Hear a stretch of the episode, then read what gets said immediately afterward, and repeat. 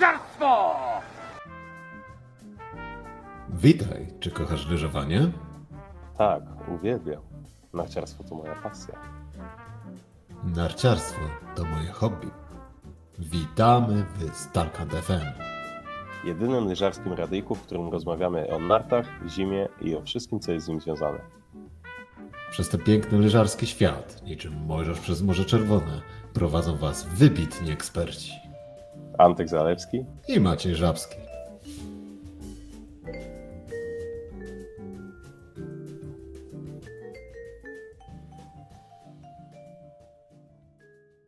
Śniegi w Polsce i w Alpach powoli już topnieją, zima się kończy, cały czas y, skończył się alpejski Puchar Świata, ogromne emocje, które nam towarzyszyły od października do marca już za nami. Czas y, najwyższy w końcu to wszystko podsumować. Troszeczkę może z tym zlekaliśmy, aczkolwiek y, no, kiedyś trzeba było to zrobić. W tym celu, aby to podsumować należycie, dokładnie i starannie, tak jak Pan Bóg przykazał, zaprosiliśmy znakomitego gościa do naszej audycji, a jest nim oczywiście założyciel niezależnego testu narciarskiego NTN Snow More, Tomasz Kurdziel. Cześć Antoni, cześć Maćku, e, witam wszystkich słuchaczy. Rzeczywiście jestem nadal e, w ciągle całkiem śnieżnej Szwajcarii.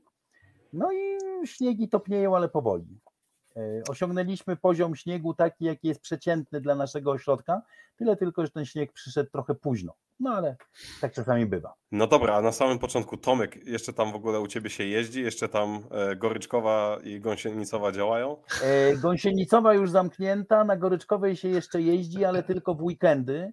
To znaczy mój ośrodek jest podzielony na, dwa, na, dwa, na dwie części tak zwany Gucz, który już jest zamknięty, bo to są stoki głównie południowo-zachodnie, południowe, więc tam już się nie jeździ. Natomiast na Gemsztoku, gdzie jest, gdzie jest ściana północna, no jeszcze w weekendy, ten weekend nadchodzący będzie czynny ośrodek i w następny weekend, czyli pierwszy weekend majowy też będzie czynny, a potem się jeszcze zobaczy. Możliwe, że jeszcze puszczą na jeden weekend, Natomiast ostatnio spadło dosyć dużo śniegu i nawet załapałem się na jeden dzień takiego jeżdżenia w śniegu po kolana. Także było bardzo no, przyjemnie. Piękne zamknięcie sezonu. A opowiedz nam, jak to wygląda jeszcze w serwisie w Szwajcarii, czy Szwajcarzy, czy jak to wygląda, bo u nas, wiesz, mam wrażenie, że e, przychodzi słoneczko i nagle u Jacka mieszcza kapustki, a w Szwajcarii Szwajcarzy konserwują sprzęt przed przerwą letnią, czy...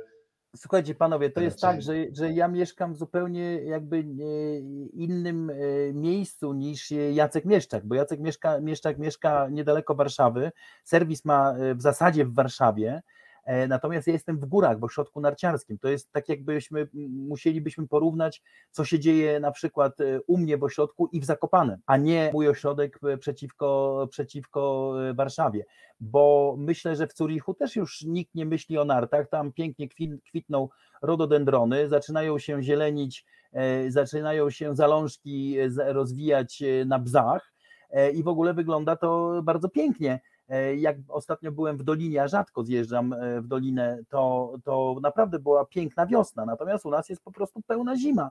E, brunatna trawa, tam gdzie śnieg stopniał, a na Gemsztoku fantastyczne warunki, w zasadzie jakich nie było przez cały sezon, więc u nas oczywiście w serwisie ciągle jest ruch. Może nie taki jak w lutym czy w marcu, ale nadal przede wszystkim Szwajcarzy to są ludzie zapobiegliwi a więc oni oddają narty na przykład do serwisu teraz, żeby mieć już narty gotowe na przyszły sezon i żeby już w piwnicy czy, czy na strychu te narty stały gotowe, że w momencie, kiedy w przyszłym sezonie w październiku e, otworzą e, Gemstock i na nim jedną trasę, no to ci, którzy naprawdę będą, e, mówiąc kolokwialnie, scharceni na jeżdżenie, popędzą natychmiast na stok z przygotowanymi nartami, a nie będą 5 sekund przed, y, przed wyjazdem na, na narty lecieć do super serwisu na Potockiej i, i błagać na kolanach na gala, żeby im zrobił narty na, na następny dzień. Także no jest, jest inaczej. Och, też ja muszę przyznać, że jak sezon się zaczyna, to zawsze no, nie zawsze tak było, ale zawsze dziękowałem temu Maćkowi z, z wiosny, który przygotował sobie narty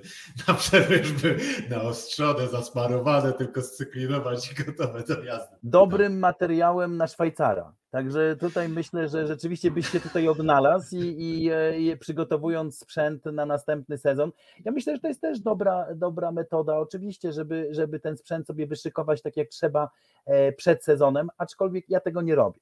Ja w, byłem na nartach dwa czy trzy dni temu, stwierdziliśmy z, z moją ukochaną partnerką, że to będzie ostatni raz w tym sezonie, już w niedzielę nie pójdziemy, bo potem jedziemy na wakacje letnie, E, że w niedzielę już na narty nie pójdziemy. No ja po prostu te narty tylko dobrze wysuszę, a czy już wysuszyłem w zasadzie, buty też i odstawiam to do kąta, a zrobię je sobie na jesieni, dlatego że ja wracam jakby do serwisu już w październiku, no więc tego śniegu jeszcze nie ma, więc muszę mieć co robić, no więc wtedy robię swoje narty, także taka jest, taka jest prawda. Za nami sezon 2022-2023, sezon mistrzowski. Oczywiście odbywała się również rywalizacja w Pucharze Świata. Znamy wszyscy doskonale, kto wygrał, kto może zachwycił, kto może mniej zachwycił. Podsumowując cały ten sezon, chciałbym Was się na początku zapytać o to, co według Was zdefiniowało w ogóle ten sezon? Jakby jakie wydarzenie, które z tych wydarzeń, a było ich naprawdę wiele, było najjaśniejszym punktem z tego sezonu. Ja tylko szybko bez uzasadnienia. AJ Ginis i koniec. A teraz Tomek może opowiadać. Oczywiście to są strasznie fajne takie momenty. E, AJ Ginis to jest, e, to jest człowiek, który na pewno zwrócił na siebie uwagę, no bo jeździ w barwach Grecji nie utrzymał się w amerykańskim teamie, potem e, rozpoczął jakby wszystko na własną łapę, no i okazało się, że, że był bardzo skuteczny w tym wszystkim, co robił. Natomiast ja jednak e, stawiam na sprawdzonego konia i uważam, że Marco Odermatt jest tutaj dla mnie najjaśniejszym punktem, przede wszystkim dlatego, że no, wygrał nieprawdopodobną liczbę zawodów, zrównując się w liczbie E, zwycięstw w ciągu jednego sezonu z Marcelem Kirscherem i z Ingemarem Stenmarkiem. Zdobył rekordową liczbę punktów do Pucharu Świata, wyprzedzając e, Hermana Majera. No więc e, wydaje mi się, że jednak pokazał, że jest prawdopodobnie, prawdopodobnie, ja mam nadzieję, że tego chłopaka ominął kontuzję, bo to zawsze jest jakiś tam problem z dalszą karierą. Natomiast, e, natomiast on w tej chwili naprawdę aspiruje do grona takich narciarzy, o których się będzie mówiło jeszcze długo po tym, jak zakończy karierę. I myślę, że jednak tutaj ta postać Marco Dermata, pomimo całej sympatii oczywiście do AJ, AJ Genisa, e, jest e, moim zdaniem, no myślę, że to po prostu na naszych oczach, bo dosłownie w ciągu tych ostatnich powiedzmy trzech, czterech sezonów Marco Odermatt wyrósł na po prostu giganta narciarstwa alpejskiego. I to jest dla mnie, myślę, taki główny, główny punkt sezonu. Zdecydowanie zgadzam się też, bo faktycznie AJ Gillis to był, to był taki po prostu wystrzał korka z szampana, wspaniały, pyszny szampan, no ale to wiadomo, na jedno posiedzenie. Oby jeszcze więcej razy nam pokazał e, swoje umiejętności, ale no była to wspaniała odmiana, przynajmniej dla mnie. A Tomku, co myślisz w takim razie o yy, jasnym punkcie wśród kobiet, bo domyślam się, że to będzie Mikaela, ale ja uwielbiam patrzeć. Słuchajcie, jeszcze Mikaela... tylko jedno trzeba dodać o Mikaeli Schifrin. E, oczywiście dziennikarskim obowiązkiem, że pobiła rekord wszechczasów. Inge Mark już nie jest rekordzistą, jeżeli chodzi o. No ale dobrze, wszyscy to wiemy. Nowy rekord to jest 88 and counting, jak to się mówi po angielsku. Dokładnie. Sam Ingemar mówi, że Mikaela Schifrin jest w takim wieku i w takiej formie, że jest prawdopodobnie gotowa do zdobycia 100 zwycięstw w Alpejskim Pucharze Świata. W momencie, kiedy Mikaela Schifrin zdobyła 88 e, pierwsze miejsce w Alpejskim Pucharze Świata, no to patrzyłem na to z jednym okiem śmiejącym się, a z drugim z łezką, w drugim z łezką wokół, no bo Ingemar Stenmark jest bohaterem mojej młodości. Miałem e, okazję go dobrze poznać, e, kilka razy się z nim spotkać. W, w, jest to człowiek niezwykły po prostu, absolutnie niezwykły gość. No i oczywiście no trochę mi było przykro, ale z drugiej strony rekordy są po to, żeby je łamać i myślę, że ja uwielbiam oglądać Mikaelę Schifrin jeżdżącą na nartach. W zasadzie nie ma znaczenia w jakiej konkurencji, chociaż najbardziej lubię ją oglądać w slalomie. Myślę, że jest absolutnie wybitną slalomistką i, i e, jej lekkość jazdy, którą ponownie odzyskała, no bo w tym sezonie wydarzyło się to, że Mikaela Schifrin ponownie zaczęła jeździć na nartach, e, na nartach e, bardzo ładnie i bardzo skutecznie, prawda? Po, po zawirowaniach poprzednich sezonów. Należy się z tego cieszyć. Bardzo fajnie ogląda się tę młodą kobietę, która naprawdę ma wielką radość z jazdy na nartach i, tego, i to okazuje no troszkę te może takie wejścia e, show biznesowe na mecie, jak tam e, klęka, łapie się za głowę i tak dalej, i tak dalej, no mm, tak troszeczkę mi to, e, mi to pasuje do amerykańskiego stylu bycia. Zdecydowanie, zdecydowanie wolę Norwegów okazujących radość na mecie. Jestem w stanie to przełknąć. Może ty nie jesteś po prostu targetem całej tej celebracji. To już może jest dla młodszego pokolenia, moim zdaniem, bo to Obawia, niektórych to ujmuje, ale... W ogóle już nie jestem targetem. E, co za tym idzie? No, Michaela Schifrin została ujęta ze stu najbardziej wpływowych kobiet na świecie. Co lepsze, na tej liście znajduje się również nasza reprezentantka Iga Świątek, co prawda w tenisie, nie wiem, na narciarstwie alpejskim. Nie wiem, czy Maryna kiedykolwiek się na to zdobędzie, nie wiem. No, ta wpływowość e, Mikeli jest e, bardzo duża. E, a chciałem, tutaj Maciek mówiłeś o AJ Ginisie jako, takiej, jako takim jasnym punkcie, ale właśnie tych takich korków od szampana, takich właśnie jak amerykański Grek, było kilka. Była Valerie Grenier, była Leona Popowicz, była Zrinka Luti, był Aleksander Sten Olsen i kto z tych wszystkich underdogów, no wiem Maciek, że u ciebie to będzie znowu AJ Genius, ale może rozszerzyć trochę horyzonty po tym, jak to powiem, to jeszcze długuje na słowa uznania i jego historia jest najlepsza. Wyprzedzę Maćka dlatego, że e, to mi się od razu nasunęło, ja nawet mam taką kartkę przygotowaną z kilkoma nazwiskami, no i dla mnie takim korkiem od szampana jest niewątpliwie Aleksander Sten Olsen. Aleksander Sten Olsen, pierwszy raz to nazwisko usłyszałem rozmawiając ze Swindalem lat temu już chyba 4 czy 5, kiedy on powiedział: Mamy takiego jednego chłopaka, który zobaczysz, że będzie po prostu wielki. I wymienił to nazwisko Aleksander Stenolsen. Wtedy to był bardzo młody chłopak, miał nie wiem, 15 lat, 16. W ogóle nie był znany, bo nawet nie jeździł jeszcze w Pucharze Europy.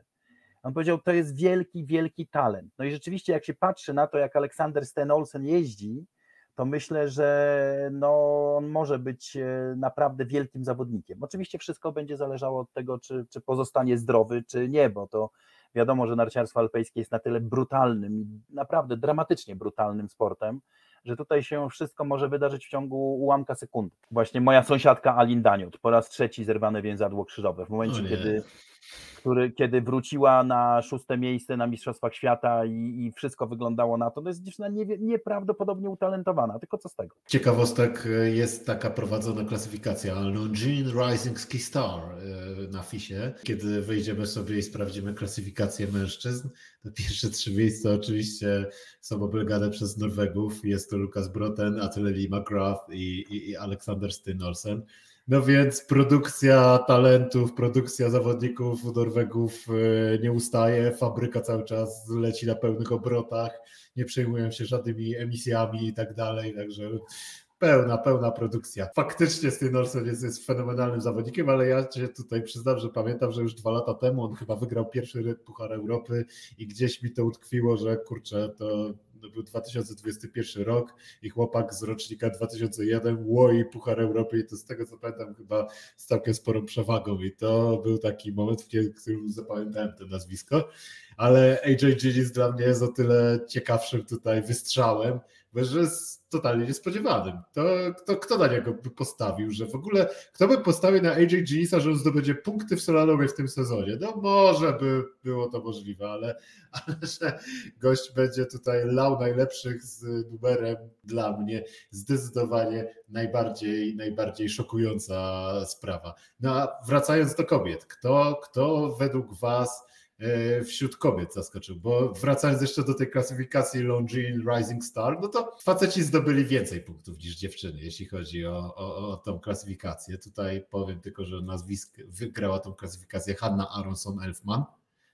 No może ona, ale to tylko takie nieśmiałe dobijanie się, prawda? Dla mnie Zrinka Lutyć. Dziewczyna, która no, miała parę razy takie momenty, że mogła wjechać chyba nawet na podium, tylko że w drugim przejeździe nie poszło wszystko tak jak e, należy. Natomiast widać po niej, że ona, widać po niej, że to jest e, dziewczyna, która po prostu atakuje. Kilka takich momentów, że nie dojechała drugiego przejazdu, polegało na tym, że ona nigdy nie jechała kontratorsko, to znaczy nie jechała na miejsce dziesiąte, tylko jechała na podium. I to mi się strasznie podoba. I ona, moim zdaniem, tak mi się wydaje, a przynajmniej bardzo tego jej życzę, że ona zacznie dojeżdżać te drugie przejazdy i wtedy będzie kurczę naprawdę duża sprawa, bo ona po prostu idzie pełną bombą. To jest, to jest coś, coś wspaniałego. Podzielę Twoje zdanie. Mało oryginalnie, ale oprócz tego, że mieliśmy ją okazję spotkać i też zamienić z nią parę słów, plus też dowiedzieć się, co sprawia, że jest y, taką zawodniczką, jaką jest, czyli dobrą, mocną, solidną, agresywną, y, niekalkulującą Czasami to ryzyko się opłaca, a czasami nie, ale kilkukrotnie już to pokazywała, że stać ją na naprawdę dobrą jazdę i bycie taką wszechstronną zawodniczką, bo wszystkie te korki od szampana, które strzelały, jak e, chociażby właśnie Valérie Grenier czy Laurence Saint-Germain, e, Wydaje mi się, że to mogą być takie właśnie pojedyncze koreczki, a w przypadku Żrinki Lutic możemy mówić o szampanie, który ma 5 litrów objętości, którego nam wystarczy na kilka dobrych melanży e, i z którego będziemy mogli jeszcze naprawdę długo, długo czerpać i nie chcę tutaj mówić o nowym, nowym Kosteliczu, w sensie o, o nowej Janicy, ale szykuje się naprawdę kawał porządnej i dobrej zawodniczki. Jeszcze tak? jedno i Tomek, ja w ogóle nie wiem jak ty nie mogłeś o tym wspomnieć. Wendy Holdner zwyciężyła. Ze zwycięstwem w Pucharze Świata. Dwa no. razy, dwa Naprawdę, razy. Naprawdę, można stawiać domy, stawiać domy. No, dwa no. razy wygrać Puchar Świata. To nigdy nie miało prawa się wydarzyć, a tu nagle okazuje się, że ona jednak jest w stanie takie rzeczy robić. No. Tak, powiedz ja mi, mam... ale powiedz, powiedz Tomek, ty jesteś w Szwajcarii, ty jesteś tam na bieżąco. Jak to tam wyglądało? Czy tam po prostu były na przykład była okładka tam. Dzień wolny, dzień wolny został ogłoszony w pracy. Okładka dnia. szwajcarskiego Kronen Zeitung była e, uff.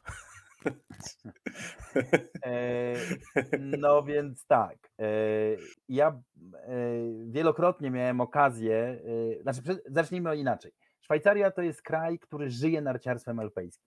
E, to są ludzie, którzy naprawdę się tym interesują i na przykład u nas w sklepie jest niedziela, do sklepu wchodzą klienci, e, załóżmy są to osoby z dalekiego wschodu, e, którzy chcą coś tam zakupić, no a właśnie leci Puchar Świata i jadą ostatnie trzy zawodniczki, w tym jedzie, jedną z nich jest Wendy i szef naszego sklepu mówi, bardzo Państwa przepraszam, ale będziemy Państwa obsługiwać za pięć minut, jak się skończą zawody. Ci ludzie w ogóle nie wiedzą o co chodzi bo to jest tak absurdalne dla nich, bo oni w ogóle nie mają do tego żadnego stosunku. Natomiast w Szwajcarii to jest po prostu wydarzenie i to jest w każdą sobotę i w niedzielę. I tak, i tak to wygląda i to jest absolutnie obłędne. Ja to uwielbiam, że oni się naprawdę jarają Marko Odermatem. Marko Odermat jest na ustach absolutnie wszystkich, bo jest jeszcze oprócz tego bardzo fajnym gościem, który ma e, niewyparzony język, szybko odpowiada na, na różne, na różne e, e, zaczepki i tak dalej, i tak dalej. Z kolei Wendy, no to jest ty, ty, ty, Tonio, miałeś okazję e, z Wendy rozmawiać parę lat temu w, w Szpindlerowym Młynie. No to wiesz, jaka to, jest, jaka to jest dziewczyna. No ona się po prostu, jak jej mówisz coś miłego, to ona się natychmiast czerwieni. To jest tak skromny człowiek i to jest taki, taki człowiek e, naprawdę strasznie sympatyczny. To jest w sumie dosyć prosta dziewczyna z niewielkiej miejscowości i tak dalej, i tak dalej. Natomiast, natomiast ona ma strasznie miły sposób bycia. I, i to ona też zjednuje sobie sympatię właśnie takim, takim e, sposobem bycia zupełnie niegwiazdorskim. Ona nie ma w niej nic z gwiazdorstwa. Tak więc A wydaje ona... mi się, że jeszcze ona jest taka w tym wszystkim, co ona robi, jest taka szczera i gwiazdorstwo to też jest jedno, ale ona, że jest po prostu taka, taka jaka jest. No taka jest, jest, no, jest po prostu tak. Taka fajna dziewczyna z klasy, no. Tomku, Tomku ja, tylko powiem, ja tylko powiem, że my w tym roku w Szpindlerowym Młynie z Wendy pogadaliśmy i wręcz dostała od nas w prezencie czapkę Stalkanta, w której można było ją zauważyć na jednym zdjęciu na Instagramie. Także A co jeszcze Poznaliśmy ważne. ją bardzo dobrze. No, co jeszcze ważniejsze, co jeszcze ważniejsze, to my powiedzieliśmy, że pozdrawiamy ciebie, znaczy pozdrawiamy ją od ciebie, że pozdrawiamy ją od Tomka Kurdziela. On mówi, a oczywiście Tomek, my love. No oczywiście, oczywiście. Nie, no Wendy jest naprawdę y, takim wyjątkowym stworzeniem w, w, na, w narciarskim Pucharze Świata, no bo co tu dużo ukrywać, to jest dziewczyna, która stała 30 kilka razy na podium Alpejskiego Pucharu Świata. Głównie na miejscu drugim, no ale y, no jest gwiazdą. No jest gwiazdą Alpejskiego Pucharu Świata, a no, zobaczmy takie zawodniczki, czy to Lara Gut Berami, czy nawet y, Michelle Gissin, mówię o Szwajcarkach tylko. One już zachowują się zupełnie inaczej niż Wendy. Wendy jest właśnie taka, taka Wendy, no, taka, jest, taka jest po prostu e, swoja dziewczyna, która, która robi to co, to, co lubi, nikogo i niczego nie udaje. Jak jest jej przykro, to widać, że jest jej przykro. Jak się cieszy, to widać, że się cieszy. No i tak to wygląda. No. Fajna, po prostu fajna. Zgadzamy się, podpisujemy się, aczkolwiek Michelle Gizin to się rozebrała do bielizy przed nami, to nie prawda? No, tak, rozebrała się. To też, to też było niezłe, była naturalna bardzo. Przy, przynajmniej Dobra. tyle, bo na nartach za bardzo nie jeździła w tym sezonie. No. To prawda. No za bardzo nie jeździła, ale to możemy płynnie tym właśnie tą osobą tą zawodniczką, możemy płynnie przejść do naszej kolejnej kategorii podsumowania. Rozczarowania. Jakim, jakie są tak. dokładnie. Chwileczkę, chwileczkę, chwileczkę, chwileczkę. Nie Jeszcze ktoś cię zachwycił? Tobą. Oczywiście. E, zachwyciła mnie jak zwykle, ale naprawdę było to wielkie, wielkie zdziwienie. Federica Brignone. Ja spodziewałem się, że Federica, mając już jak na zawodniczkę swoje lata, wiem, wiem, Tonio, tak, tak, Teraz będzie o najpiękniejszych oczach w Pucharze Świata. Rzeczywiście są ładne. E, niemniej chodzi o to, że jest to, że jest to osoba, która zmotywowała się nieprawdopodobnie do tego sezonu. Ja myślałem, że ona po tym, jak zdobyła Puchar Świata, tak e, wiele osób mówiło fuksem. No bo e, problemy Schifrin, no bo sezon covidowy, bo to, bo tamto, bo siamto, no i nagle Federica zdobywa Puchar Świata. Natomiast, natomiast okazało się, że E, po trochę słabszym poprzednim sezonie, ona w tym roku naprawdę jeździła fantastycznie. E, co więcej, zdobyła Mistrzostwo Świata, tym medal Mistrzostw Świata w kombinacji. I przy okazji pojechała slalom. Ja jeszcze, dodam, ja jeszcze dodam do tego, że w tej kombinacji to było widać, jak bardzo jej na tym zależało. Po prostu to, jak ona się tam cieszyła, jakie tam były emocje. Naprawdę, mało która z dziewczyn tak e, emocjonalnie do tego podchodzi, a ona widać było, że to dla niej naprawdę bardzo dużo znaczy. I ja też muszę przyznać, że skreśliłem Federikę Brino przed tym sezonem i też no, zagrała mi na nosie. Były to dla niej, po pierwsze, w Courchevel, ona mieszka zaraz za granicą po włoskiej stronie, więc, więc jakby te mistrzostwa były u niej w domu. Po drugie, no jest zawodniczką, która, ja w ogóle spodziewałem się, że ona na Mistrzostwach Świata ogłosi koniec kariery. E, co więcej, rozmawiałem z jej mamą e, w ciągu sezonu e, i ona, Maria Rosaquario powiedziała, że ona ma nadzieję, że Federica skończy, bo ona już nie jest w stanie znieść tych przygotowań i tej całej męki i że ona ma nadzieję, że ona po prostu na tych mistrzostwach zrobi jakiś dobry wynik i skończy. No ona zrobiła dobry wynik i jak na razie nic nie wskazuje na to, że zamierza skończyć. Mamy dwie młode gwiazdeczki właśnie wśród kobiet, na które mam wrażenie y, no jakaś potężna pompka spłynęła i, i nie wiem, czy jedna z nich na pewno według mnie sobie troszkę z tym nie radzi, a druga no, wylądowała ze zerwanym więzadłem. I tak się zastanawiam, czy nie sądzicie, że takie obciążenia i takie wejście w sezon to jest za dużo dla młodych organizmów. Mówię o Emie Eicher z Niemiec, która, co się śmialiśmy z Toniem, że dostała kask Red Bulla i przestała jeździć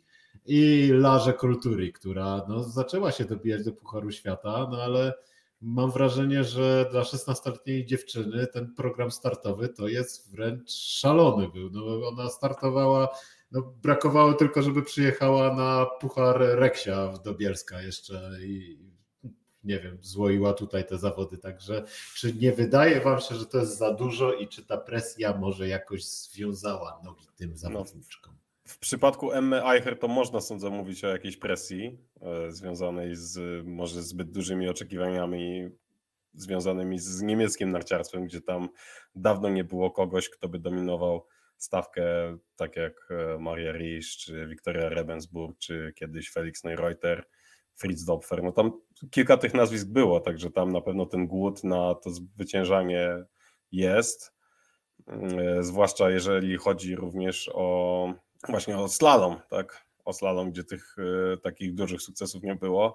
No i tutaj ta klątwa kasku Red Bulla moim zdaniem troszeczkę działa i działa w taki sposób, że no tej jazdy w jej wykonaniu za dobrej nie ma. Natomiast jeżeli chodzi o Larry Colturi, no to wydaje mi się, że tak, jak, tak samo jako Żrince można było mówić, że jest właśnie taką, one dzieli je tylko Lara Kultury jest rocznik 2006, a Żrinka Lutic 2004. E, wydaje mi się, że w przypadku właśnie Lary Kultury, która wydaje się być hodowana po prostu na prawdziwą mistrzynię, no tutaj to jest akurat po prostu potknięcie w marszu. Czy to jest jakieś przeciążenie, tak jak ty Tomek mówiłeś, no to jest y, kwestia tylko jednego błędu, nie wiem, jednego złego skrętu i nagle już ciebie nie ma w sezonie. Także to mogło się przytrafić każdemu. Nie wiązałbym tego jakoś specjalnie z tym, czy to, to jest jakieś dodatkowe przeciążenie. Co do Emmy Eicher, moim zdaniem presja jak najbardziej tak. Co do Lary Kultury uważam, że to potknięcie w marszu. No i liczę na to, że wróci i będzie ciekawiej zadba o to. No, zwłaszcza jeszcze w ogóle dodaje smaczku ta Albania. No. Niby, niby każdemu może się przytrafić, ale Hirscherowi czy Schifrin nigdy się nie przytrafiało praktycznie, więc zobaczcie, to jest też taka rzecz, która mnie zastanawia. Robert Lewandowski też nie miał kontuzji jakiejś takiej poważniejszej, też nigdy Ingemar Stenmark też nie. No. no ale panowie, to jest tak, że historia zna już podobne przypadki. Taką zawodniczką, która w bardzo młodym wieku weszła do Alpejskiego Pucharu Świata i, i była też hodowana podobnie jak Lara Colturi, była Tina Weirater. Tina Weirater przecież miała 16 lat, kiedy startowała w, w, na Igrzyskach Olimpijskich w Sestierę. E, I e, później seria kontuzji naprawdę bardzo zahamowała jej karierę, aczkolwiek no oczywiście jest wielką zawodniczką, E, zdobyła, mm, nie pamiętam dokładnie ile razy zwyciężała, ale ponad 10 razy zwyciężała w Alpejskim Pucharze Świata. Niemniej wszystko wydawało się w momencie, kiedy zaczynała, że ona będzie w ogóle absolutnie dominować przez najbliższe lata. Nic takiego się nie wydarzyło, no bo my, być może, ja nie wiem, to jest trudne dla mnie do, do ocenienia, ale, ale wyda, do oceny wydaje mi się, że że e, Lara Colturi e, z presją radzi sobie znakomicie, bo presję ma od urodzenia. Wydaje mi się, że ona jest, y, urodziła się z presją i, i po prostu nie zna innego życia, więc, więc być może Emma Eicher nie urodziła się z presją i nagle ta presja ją po prostu zastopowała. Ja myślę, że Lara Kolturi po swojej kontuzji, z tego co obserwuję, y, y, bo jak wiecie, Jestem związany z magazynem więziami, więzami koleżeńskimi z Marco Di Marco i ciągle od niego dostaję jakieś informacje dotyczące, dotyczące włoskich zawodniczek. No oczywiście oni wszyscy traktują Larę Colturi jako swoją zawodniczkę, a nie zawodniczkę Albanii, bo to tylko jest niedogadanie się z, włoski, z włoską federacją, e, które spowodowało, że Lara Colturi startuje w barwach e, Albanii, a nie w barwach Włoch. Natomiast e, wiadomo, że, że to jest Włoszka. E, i że ona już podobno już jest po, po operacji, to wiadomo, operacja była zrobiona dosyć szybko i że już wróciła do treningów takich, że na, na początku przyszłego sezonu po prostu normalnie wystartuje w Zelden. Tak to wszystko wygląda. I tutaj myślę, że ona z presją sobie poradzi. Tutaj o Larę Kultury, jeżeli chodzi o presję, to mi się specjalnie nie martwi. No to tak, z presją, z presją pewnie tak, aby tylko organizm wytrzymał i faktycznie nie podzieliła właśnie, tak jak wspomniałeś, losów, losów Tiny Weirater, czy, czy na przykład Janicy Kostelić, której też kolana się przecież sypały po drodze i niestety, niestety no musiała przedwcześnie zakończyć karierę. Lecimy dalej z naszymi pytaniami. No myślę, że możemy no właśnie, przejść do tej kategorii. Do naszej e, ulubionej kategorii. Naszej ulubionej polskiej kategorii narzekania. Kto zawiódł, kto e, nie pokazał tego, co potrafi, kto nie spełnił naszych oczekiwań. No, Tomku, oczywiście, ty musisz zacząć. No, ja, masz, e, masz minutę, masz minutę. Czas będę, będę, będę bardzo dyplomatyczny, bo powiem, że w zasadzie nikt. Sprawa wygląda w ten sposób, że, że e, jeżeli miałbym powiedzieć taką, e, może nie osobą, tylko organizacją, która zawiodła najbardziej, to był Austriacki Związek Narciarski i konkurencje techniczne kobiet. No to jak Austriaczki, jaki straszny piach jechały Austriaczki w tym roku, jeżeli chodzi o konkurencje techniczne, to to po prostu jest nieprawdopodobne. Nieprawdopodobne. I ta nieszczęsna Katarina Linsberger, która jeszcze dwa sezony te, temu tańczyła na stoku, to jest, to, jest, to jest coś nieprawdopodobne. Lekkość, jaką ona jeździła, całkowicie nieruchoma górna część ciała, te fenomenalnie szybko pracujące nogi pod nią i to nagle wszystko skończyło się w ułamku sekundy. Ja naprawdę nie wiem, e, jak to jest w ogóle możliwe. No, zmiana trenera, z tego oczywiście dochodzą do mnie różne. Mieszkam w Szwajcarii, a więc tutaj tych plotek e, alpejskich jest więcej niż na przykład w Polsce, czy w Niemczech, czy w Albanii. Więc, e, bo tym ludzie jednak żyją. No więc chodziły takie plotki, nie wiem na ile one są prawdziwe, no bo nie mam dostępu do, do sprawdzenia tych informacji, że że e, Katarina Linsberger od swojego e, nowe, nowego trenera Magoni usłyszała, że nie umie jeździć na nartach i zaczynają od zera. No, jak to wyszło, to wiadomo. E, pan Magoni nie jest już trenerem Katariny Linsberger, a Katarina Linsberger z absolutnie czołowej zawodniczki zakończyła sezon na jakimś tam 33 miejscu w Alpejskim Pucharze Świata i w zasadzie nie pojechała nic, kompletnie nic przez cały sezon. Więc być może jednak chyba potrafiła jeździć na nartach, skoro wcześniej była mistrzynią świata, a, a wydaje mi się, no, że coś było zrobione źle. Natomiast to nie jest tylko problem Kataryny Linsberger, bo wszystkie inne Katariny w, w kadrze e, austriackiej jeździły równie skutecznie. Mówię o konkurencjach technicznych, no bo w konkurencjach szybkościowych, jak wiemy, e, trochę się lepiej prezentowały Austriaczki niż w konkurencjach technicznych. No, dla mnie to był największe rozczarowanie sezonu. E, mówiłeś Tonio o Michelle Gissin, jak wiecie to jest e, jedna z zawodniczek, których bardzo lubię i bardzo szanuję. No ona po zmianie sprzętu problemem nie są narty, tak jak wszyscy by chcieli to widzieć, że o, o Salomon nie jedzie, no bo e, jakoś Salomon na nogach innych zawodników czy zawodniczek, na przykład Marty Bassino, znakomicie jeździ więc nie widzę problemu, dla którego, dla którego e, nie miałby jechać e, pod Michel Gissin. E, wydaje mi się, zresztą ona to mówiła w jednym z wywiadów, że problem leży bardziej w butach. Po przejeżdżeniu całej kariery, w zasadzie od dziecka w langach czy rossignolach, wiadomo, też są te same buty, tylko inaczej i z innego, w innym kolorze, Natomiast e, przejście na Salomony no, spowodowało to, co było problemami wielu zawodników prze, przed nią, że e, chociażby Larry Good, prawda, który, która z Rosyniola zmieniła na Heda i nagle okazało się, że cały sezon e, to był po prostu jeden wielki sezon męki. Mm, Tonio, ty tego możesz nie pamiętać, ale to było na jednych z, test, z, z testów, akurat kiedy mieliśmy testy w, w Countertal, to Lara Good była z całym swoim nowym sprzętem Heda w Kaunertali testowała zarówno narty, jak i nowe buty jej ciężkie przekleństwa słychać było w całym ośrodku. Bo tak to jest. No po prostu to wszystko trzeba dopracować. Ten taki e, ostateczny tuning sprzętu e, zajmuje bardzo dużo czasu. I tutaj Michelle Gissin na koniec sezonu powiedziała bardzo ciekawą rzecz, że e, ona stoi w pełni za Salomonem, a Salomon stoi za nią. I oni będą całe lato próbować różnych innych ustawień i ona bardzo w to wierzy, że wróci na, do tego miejsca, w którym była przed zmianą sprzętu. No myślę, że tak się może wydarzyć. No.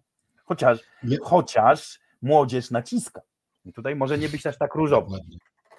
Dokładnie. Jako ciekawostkę powiem tylko, że w tym sezonie Martina Dubowska zmieniła narty na Kestle i ciekawostką było to, że w butach jeździła dalej Dalbello, czyli tych, co poprzednim sezonie i gadałem tutaj o tym z Dominikiem Białobrzyckim i właśnie dokładnie to, o czym Tomku mówisz, było, było też przyczyną, że, że nie była w stanie jeszcze tych nowych butów tak ustawić, żeby było jej tak dobrze jak, jak w poprzednich i dlatego no na szczęście sponsor nie był aż tak e, tutaj zaborczy, więc e, zezwolił jeździć na tych, na tych Dalbello i faktycznie cały sezon do końca jeździła na Dalbello i prawdopodobnie w nowym sezonie dopiero się przestawi na buty Kestla.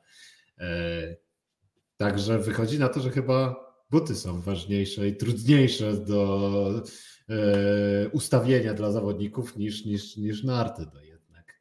A ty, Tomek, tutaj poruszyłeś ciekawą kwestię z mm, Austriaczkami. Ja się nie zgodzę w jednej kwestii, jeżeli chodzi o o Austriaczki, że wszystkie jeździły PR, bo mi się wydaje, że tutaj Katarina Huber spośród tych wszystkich była um, taką jasną postacią, kilkukrotnie wygrywała przejazdy i pokazała, że stać ją na dobrą jazdę w slalomie, aczkolwiek ogólnie rzecz ujmując i patrząc na Austrię i co tam się dzieje, no to faktycznie za dobrze, jeżeli chodzi o konkurencje techniczne, techniczne pań, zdecydowanie nie jest. My mieliśmy okazję rozmawiać na, z dziennikarzem właśnie z Krony Zeitung e, odnośnie tego, co w ogóle Austriacy na ten temat myślą, no i ogólnie wszyscy rozkładają ręce i wszyscy nie do końca wiedzą, o co tak naprawdę chodzi, co się dzieje, dlaczego nagle po prostu przestały jeździć. No, Katarina Linsberger jest bardzo dobra w robieniu dobrej miny do złej gry. No to te, te jej uśmieszki i to rozkładanie rąk e, na finiszu to już chyba przeszło naprawdę. To jest tak jak celebracja Ronaldo po strzeleniu każdej bramki. Jesteśmy do niej przyzwyczajeni, że po prostu każdy przejazd to Katarina Linsberger rozkłada ręce, przechyla delikatnie głowie i, głowę i mówi, że nie wie, co się dzieje. Ja idąc dalej za klątwą Salomona, E, idąc dalej za klątwą Salomona, czyli znarciarze, którzy niedawno zmienili sprzęt na Salomona, to tutaj Luca De Ali Prandini, który zniknął ogólnie, który zniknął e, z zawodnika, którego śmiało można było typować zawsze do bycia w top 10. Nagle dostaliśmy zawodnika, który jedzie jakieś e, miejsca 20 tutaj ciężko mówić o zawodzie w takim, że, że coś no dobra, jest ale... E, nie tak, czy coś, tylko bardziej, bardziej mi chodzi o to, jakby mój zawód z nim jest związany, i to może jeszcze szerzej ujmę, ja jestem zawiedziony troszeczkę gigantem, że został zdominowany przez Odermata i za wiele tam się jakoś specjalnie nie dzieje.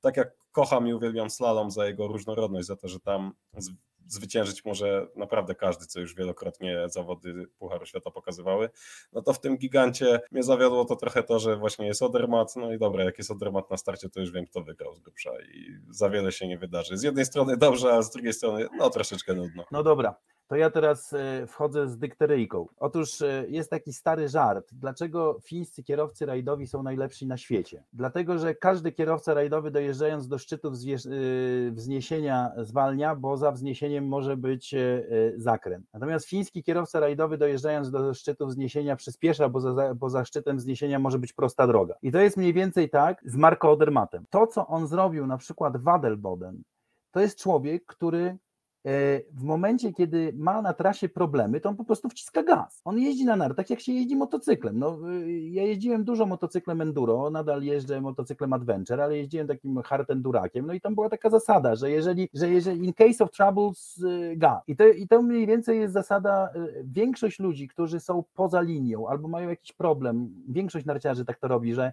że jak są w jakiejś trudnej sytuacji, no to starają się trochę wyhamować, postawić narty w poprzek i dojechać do następnej bramki, a Marko po prostu wciska gaz. I to jest, to jest właśnie niesamowite i dlatego wydaje mi się, że te giganty wcale nie były takie nieatrakcyjne, bo to warto było obserwować Marko, jak on wychodzi, bo w zasadzie nie pamiętam w tym roku żadnego giganta, których najwięcej wygrał zresztą Marko Odermatt, żeby on pojechał czysto. Zawsze były jakieś problemy. Na Adelboden to już była, to już była ekstrema po prostu. To co, to, co on tam wyprawiał, to, to przechodzi ludzkie pojęcie. I to jest właśnie klasa, klasa tak. zawodnika. No dobra, natomiast jeżeli chodzi o Luca Liprandini, e, to Luka przecież nie zaczął jeździć na Salomonach w tym sezonie. E, on już jeździł na Salomonach przedtem i doskonale sobie radził. No coś, coś e, poszło nie tak w tym sezonie z i to trudno stwierdzić, czy to z nim, czy z przygotowaniem do sezonu, czy z jakimiś innymi problemami, czy problemami ze sprzętem. No bo jeszcze raz y, powrócę do, do Marty Bassino. No, Marta Bassino radzi sobie znakomicie, y, że też y, no, nie wydaje mi się, żeby, żeby nie potrafiła, żeby firma Salomon nie potrafiła zrobić nart dla Michel Gisi, na potrafi dla Marty Bassino. Że tutaj nie, pewno, nie sądzę, żeby tu tak leżał problem. Ja absolutnie nie dopatruję się tego w Salomonie. Ja po prostu tęsknię za szalonym Luką, który jeździł jak wariat i był w stanie wygrywać z najlepszym. Za tym ten. No dobra, ale on, był królem, ale on był królem Stevotingu i być może Stevoting się trochę skończy. Zauważ, że, że Marco Odermatt jedzie zupełnie inaczej, że Aleksander Stenolsen jedzie zupełnie inaczej. I, I to jest być może problem leży tutaj, że, że ten taki włoski, absolutnie klasyczny, e, e, potwornie przerysowany Stevoting w dzisiejszych gigantach nie po prostu nie działa. Także tu tak może być. być. Musiałbym, tak. musiałbym wrócić do jego przejazdów, ale niestety nie mam ich. Być może tak, faktycznie. Ale mi się wydaje, że, co, że podczas jego przejazdów to bardziej towarzyszyło mi takie uczucie, przecież on tak nie jeździ. To, to bardziej coś takiego było. No. Przecież chłopie, no, jakby jakoś ktoś mu wyssał z niego powietrze. No. A Maciek, a jakie twoje? Ja cały czas wierzę w mój ulubiony duecik, e, czyli jest to Christopher Jakobsen i Widacer. No, bardzo bym chciał, żeby zaczęli dojeżdżać, naprawdę. No, i Jak naprawdę skończą. Że któryś z nich, no właśnie, że któryś z nich w końcu będzie dojeżdżał w tym roku. Ale.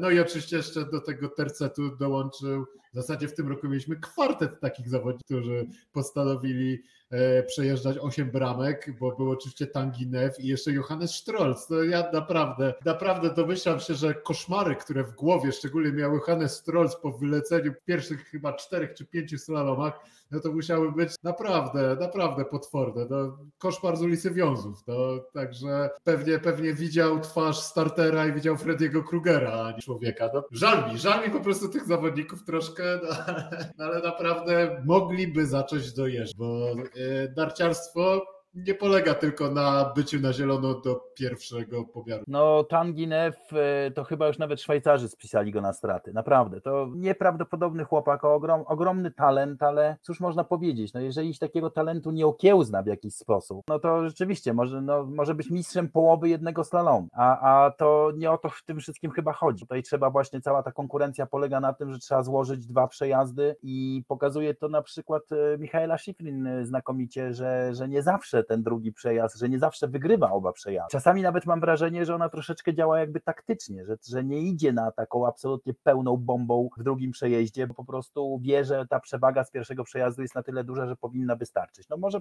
parę razy się oszukała, ale jednak jest to, jest to skuteczne jeżdżenie. No niestety, ale, ale Tanginev no nawet w Szwajcarii nie ma już najlepszej pracy. Chciałbym zmierzyć e, nasze tutaj wszystkie myśli, bo tutaj rozmawiamy cały czas jest Ameryka, Grecja, Chorwacja, jakieś cały czas jakieś egzotyczne kraje. A jeżeli chodzi o narciarstwo alpejskie, wiele działo się również w Polsce. E, Nie będę wspominał o Mistrzostwach Polski w Szczyrku, które były organizowane na błocie. E, Natomiast e, kolejny sezon w ścisłej czołówce e, zalicza Maryna Gąsienica-Daniel. Przebijają się Magdalena Łuczak. Na zapleczu jest, pozostaje też kilka zawodniczek, które no tutaj liczymy na to, że e, może dostąpią kiedyś do tego poziomu, gdzie będą mogły rywalizować w Pucharze Świata. Jeżeli chodzi o panów, e, mamy dobrych slalomistów, Frau Jasiczek, Piotrek Habdas, e, Paweł Pyjas, mm, tu startowali w zawodach Pucharu Świata w tym sezonie. No ale jakbyście mieli właśnie skwitować, podsumować występy naszych i w jakiś sposób może też wydać ocenę, no to co na ten temat uważacie? No bo tak jak mówię, no Maryna Gąsienica Daniel, kolejny ścisły, kolejny sezon w ścisłej czołówce, ale czy to już jest niedosyt, czy jest dosyt, czy y, jak to ująć? Ja tylko szybko, krótko, nim Tomkowi oczywiście damy głos. Z mojej strony absolutnie nie ma niedosytu ponieważ ja uważam, że my się troszkę rozbestwiliśmy z naszymi oczekiwaniami. Oczywiście, że życzymy Marynie podium i, i super wyniku, ale ja od kiedy pamiętam i oglądałem narciarstwo alpejskie, no Tomek pamięta lata, e, gdzie tam Polacy czasem coś znaczyli, ale ja nie pamiętam takich lat absolutnie i ja to się jarałem, jak Katarzyna Karasińska weszła do 30, byłem naprawdę totalnie tym rozemocjonowany i zachwycony, a teraz o, dopiero szósta znowu Maryna i my mamy z tego powodu narzędzie. Nie, ja jestem cały czas zadowolony, że mam e, zawodniczkę w top 10, oby poszło to do przodu, może w końcu się uda, no a może się też niestety nie uda się, taka jest prawda, to jest brutalny sport, jest mnóstwo zawodniczek, które jeżdżą w tej dziesiątce i, i nigdy nie, nie wchodzą na to podium. Cieszmy się z tego, co mamy i No ja z jednej strony zgadzam się z Maćkiem. y, Rzeczywiście tak jest, że, że y, zawodniczka w czołowej dziesiątce, która y, potrafi, e, potrafi sobie, y, potrafi pojechać na przykład drugi albo trzeci czas e, drugiego czy pierwszego przejazdu, raczej drugiego. E, Natomiast, natomiast dla mnie ja po prostu strasznie bym chciał, bo widziałem siostry Tlauki na podium Alpejskiego Pucharu Świata i bardzo im kibicowałem. I bardzo bym chciał jeszcze w moim długim już życiu zobaczyć Polkę czy Polaka na e, podium Alpejskiego Pucharu Świata. Dlatego ja jestem prawdopodobnie trochę e, bardziej, no nie mogę powiedzieć, że rozczarowany, bo to przecież byłoby zbyt dużo. Natomiast no, rzeczywiście no, bardzo, bardzo Marynie czy Magdzie, to z Magdą to jeszcze chwilę zajmie, natomiast bardzo życzę Marynie, życzę, życzę sobie te, tego mhm. podium, bo, bo już strasznie się naczekałem i chciałbym, żeby ono rzeczywiście się ziściło. No ale to są takie życzenia, to tak, tak jak Maciek mówi, powinniśmy być zadowoleni z tego, co mamy, bo naprawdę źle nie jest. Od dawna nie było takiej sytuacji, że, że możemy kibicować e, utalentowanej Alpejce w, w Alpejskim Pucharze Świata i która startuje w pierwszej grupie i jest losowana w pierwszej grupie. No więc, więc e, cieszmy się z tego, aczkolwiek no, ja z jedną, e, znowu z łezką w jednym oku, bo, bo bardzo bym tego podium sobie życzył. W polskim narciarstwie, znaczy my w ogóle Polacy, mi się wydaje, że my chcemy bardzo dużo wszystko naraz. Cierpliwość jest naszą narodową cechą, której zwykliśmy nie posiadać i również pojęcia, którego nie znamy, to jest inwestycja długoterminowa. Tak zbierając, patrząc na polskie środowisko narciarskie i zmiany, jak prowadza, co się w ogóle dzieje, wydaje mi się, że idzie pomału to wszystko w dobrym kierunku i na przykład jak obserwuję przejazdy właśnie Piotka Habdasa czy Pawła Pyjasa, mieliśmy okazję również z nimi rozmawiać. Fajny mental, fajne nastawienie i przede wszystkim dobra jazda i trzymam kciuki za to. Trzymam kciuki za to, żeby to się jak najlepiej udawało. Ja wiem, że ta droga, która prowadzi do sukcesu jest, nie jest drogą prostą i po tym, co widać było na niektórych zawodach, widać było właśnie tą agresję, ten taki brak kalkulacji, ale przede wszystkim również było widać dobrą jazdę i mam nadzieję, że ta dobra jazda kiedyś się poskłada i uda się dowieść naprawdę fajny wynik. Tak, jeszcze, jeszcze szybka pochwała tych zawodników z drugiego szeregu chciałbym, chciałbym udzielić, bo no, zaczyna się faktycznie coś dziać. Mamy takiego zawodnika jak Mateusz Szczap, który jest chłopakiem z rocznika 2005. No i w tym roku zjechał 35 FIS punktów i wygrał innymi FISy w Austrii. No to się mimo wszystko nie, nieczęsto zdarza, że Polak wygrywa FISy w Austrii. Oczywiście to jest dopiero dopiero początek tej drogi, także na spokojnie, ale fajnie, fajnie, że, że tego typu wyniki się pojawiają. Też jeszcze z wyników wartych odnotowania, no to Daria Krajewska też w tym roku zjechała poniżej 35 tów, a to zawodniczka, która chyba już można powiedzieć została trochę przez PZT skreślona, trenuje indywidualnie z trenerem Leitnerem i naprawdę wydaje się, że fajny wynik osiągnęła, może, może jakieś zmartwychwstanie, oby, trzymajmy kciuki. Eee, dobrze, Tonio, możemy powoli chyba zamykać temat Polaków. Zamykamy powoli e, i zadajemy jeszcze bardzo szybkie pytanie. Ostatnie w pytanie. Tym roku, w tym roku e, dwa pytania będą jeszcze na sam koniec. W tym roku pożegnaliśmy się ze sporą liczbą zawodników, aczkolwiek nie aż tak liczną jak w roku ubiegłym. Mm, e, nie będę wymieniał nazwisk, bo sam chciałbym, żebyście przez chwilę sobie przypomnieli, e, kogo nam będzie brakować, kogo będziemy nam brakować i kto z tych osób, które w tym roku odwiesiły przysłowiowe narty na kołek. No będziemy, ach szkoda, że a jakby tylko ona tutaj była na tych zawodach, to może się więcej wydarzyło. Słucham Państwa. No, Johan Klare. Dlaczego? Bo mimo, że to nie był dominator czy wielki zawodnik, który łoił seriami, to zawsze, by, był on zawsze przede wszystkim. Jest, dziwnie się czuję, wiecie, to jest jakby ktoś mi zabrał sałatkę jarzynową w Wielkanoc ze, ze stołu. No, po prostu ta sałatka zawsze tam jest i Johan też zawsze był na zawodach i nigdy nie można było być do końca pewnym, czy Johan akurat tego dnia nie wykręci czegoś szalonego, 40-latek wjeżdżający na podium. No, fantastyczne historie. Szkoda, no ale trzeba, niestety trzeba w końcu to. Tak, dla mnie też zdecydowanie Johan Clare rzeczywiście jest taką ikoną alpejskiego Pucharu Świata i, i e, tak jak Maćku powiedziałeś, on był zawsze e, i zawsze był gotów na jakąś niespodziankę. Natomiast e, ja mam e, trochę z innej beczki, y, omijając pytanie Tonia, e, Antoniego. E, nie wiem, czy słyszeliście, że wraca Metachrowa. Po tym jak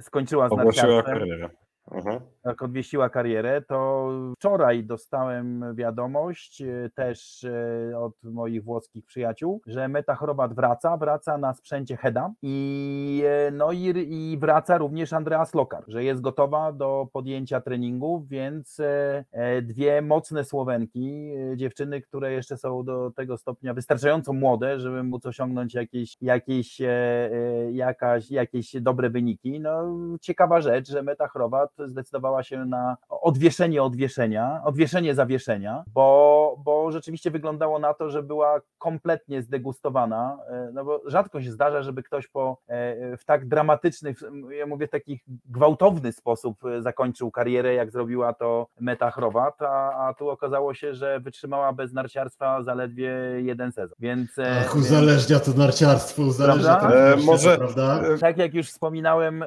nie wydaje mi się, żeby to był problem sprzętu, raczej myślę, że, że bardziej jest to problem trenera. Mówiliśmy o Chorwatkach, tam się w ogóle dzieją w Chorwacji bardzo ciekawe rzeczy, ja myślę, że Chorwacja też jest w pewien sposób takim krajem, który mi daje nadzieję, że być może w Polsce również się coś może udać zrobić. Bo zauważcie, że Zrinkę Lutic zaczął, z Rinką Lutic opiekować Kostelic, prawda, że, że on zaczął się tam udzielać jako ekspert, jako człowiek, który, który daje im dobre rady i to przynosi efekt.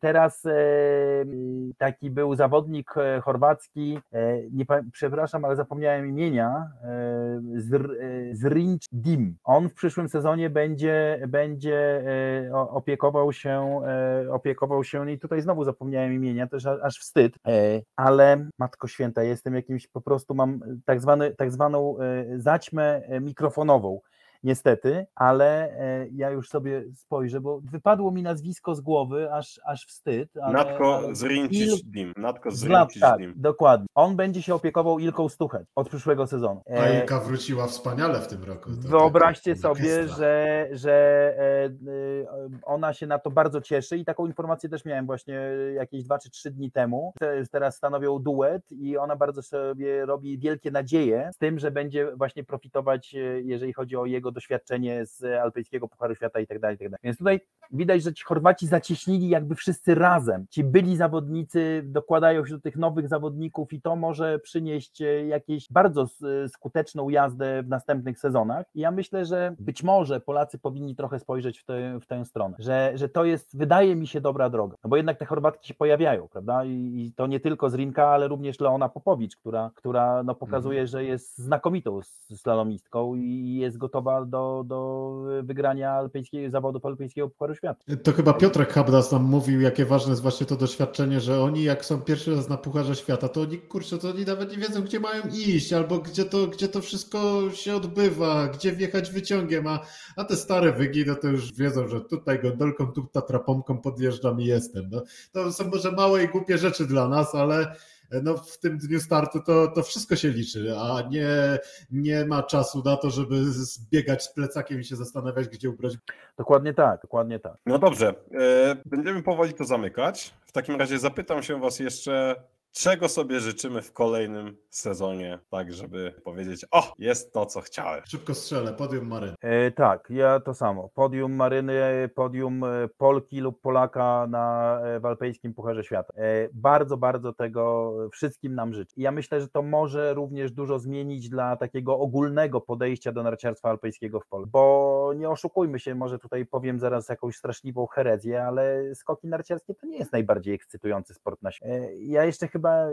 nigdy nie, nie obejrzałem całego konkursu skoków narciarskich, tak samo jak od e, pamiętnego meczu. Ale skakałeś, ale skakałeś na skocz, ska, skakałeś na mamucie, bo my skakaliśmy. Tak, wiesz, oczywiście. Bo wiadomo. najlepsze, najlepsze w Tata Zakopanem, zawsze. Tata najlepsze w. Zakopanem to jest to, ja uwielbiam przyjeżdżać do Zakopanego, bo zawsze idę sobie poskakać na Poskakać na Wielką Krokiew. Krokiew. No, No, Z oczywiście. całą to- rodziną, tak. Tak samo jak ja czasami sobie chodzę do parku, żeby porzucać młotem, no bo to jest też taka konkurencja, że jest fantastycznie. Sobie po prostu idzie się na plażę na przykład, na, na Wiesz plażę co, ja wolę oszczep, ja wolę oszczep. Oszczep, jednak. no oszczep też jest oszczep fajny, jest bo trochę dalej no. leci jeszcze, to, także to No. też jest, no ale tak porzucać sobie młotem, to są takie fajne sporty właśnie, które no, mają duże przełożenie na sporty takie powszechne. E, Ale ja no, jeszcze, powiem- a jeszcze na przykład uwielbiam na przykład jak się y, idziemy sobie na piwko do parku i skaczemy do piaskownicy, kto dalej skacze fajne. No ja nie skaczę, bo ale ze względów higienicznych głównie, bo to bo tam w tych piaskownicach takich otwartych, to, te, te koty i psy, tam nie, nie chcę w ogóle nawet wiedzieć, co tam się dzieje w tych piaskownicach. E, no, w, nie, no nic, no ale wracając, no to podobnie jak e, nie obejrzałem e, chyba ostatni mecz e, w piłkę nożną, który oglądałem, to był był mecz reprezentacji Polski, e, kiedy przegrała z Niemcami, e, to jeszcze były tak zwane orły górskiego i byłem tak zdegustowany tym, że na tym błotnistym e, i wodnistym boisku polska reprezentacja, choć była lepsza, przegrała z reprezentacją niemiecką, że od tamtej pory ani razu nie obejrzałem pełnego meczu w piłkę nożną. No ale mówię, że dobrze by było, gdyby, gdyby rzeczywiście to podium się wydarzyło, bo bo to mogłoby zmienić bardzo dużo, jeżeli chodzi o nastawienie takiego społeczeństwa. Przecież mnóstwo Polaków jeździ na nartach. Słuchajcie, ja mieszkając w wiosce Alpei, która no nie jest jakąś taką e, destynacją absolutnie premium dla, dla Polaków, bo wiadomo, że jeżeli ktoś będzie miał okazję pojechać do Szwajcarii, to raczej pojedzie do San Moritz, a nie do Andermatt, to jednak praktycznie każdego dnia mamy klientów e, w sklepie klientów z Polski, albo słyszę polską mowę na stoku. Więc nas Polaków naprawdę jeździ na nartach bardzo wielu. I teraz, i teraz, e, i teraz chodzi o to, żeby, żeby e, no, postawić kropkę na D, żeby to, to podium wreszcie się wydarzyło. Żeby to podium się tak, wreszcie w tym roku. wydarzyło. Żeby to podium się wreszcie znowu miałem przerwę, przerwę No. cięcia mojego. Mojego Śnieg jest, ale internetu nie ma. Ale internetu nie ma, dokładnie. Może, to, może ma to jakiś związek. Dobra, to tyle. No dobrze, to e, a ja jeszcze powiem, że ja bym sobie jak najwięcej egzot kraju pod wspaniałego slalomu pan rok. Oczywiście do krajów egzotycznych na podium zaliczam również Polskę. Mam nadzieję, że Polska gość Maryny Gąsienicy Daniel. Głęboko w to wierzę. Trzymam oczywiście kciuki i miejmy nadzieję, że się to w przyszłym albo w kolejnym sezonie jeszcze przydarzy. Bardzo wam dziękuję za rozmowę. Podsumowaliśmy sezon 2024. Mm, Standardowo e, prowadziliśmy to ja oraz Maciej. Co Ja? Macio. oraz Macio, oraz Macio. A naszym gościem w podsumowaniu sezonu 2023 był Tomasz Kurdziel. Dziękujemy Ci, Tom. Ja dziękuję bardzo. Do usłyszenia. Ahoj. Do usłyszenia. Ahoj. Ahoj, dokładnie.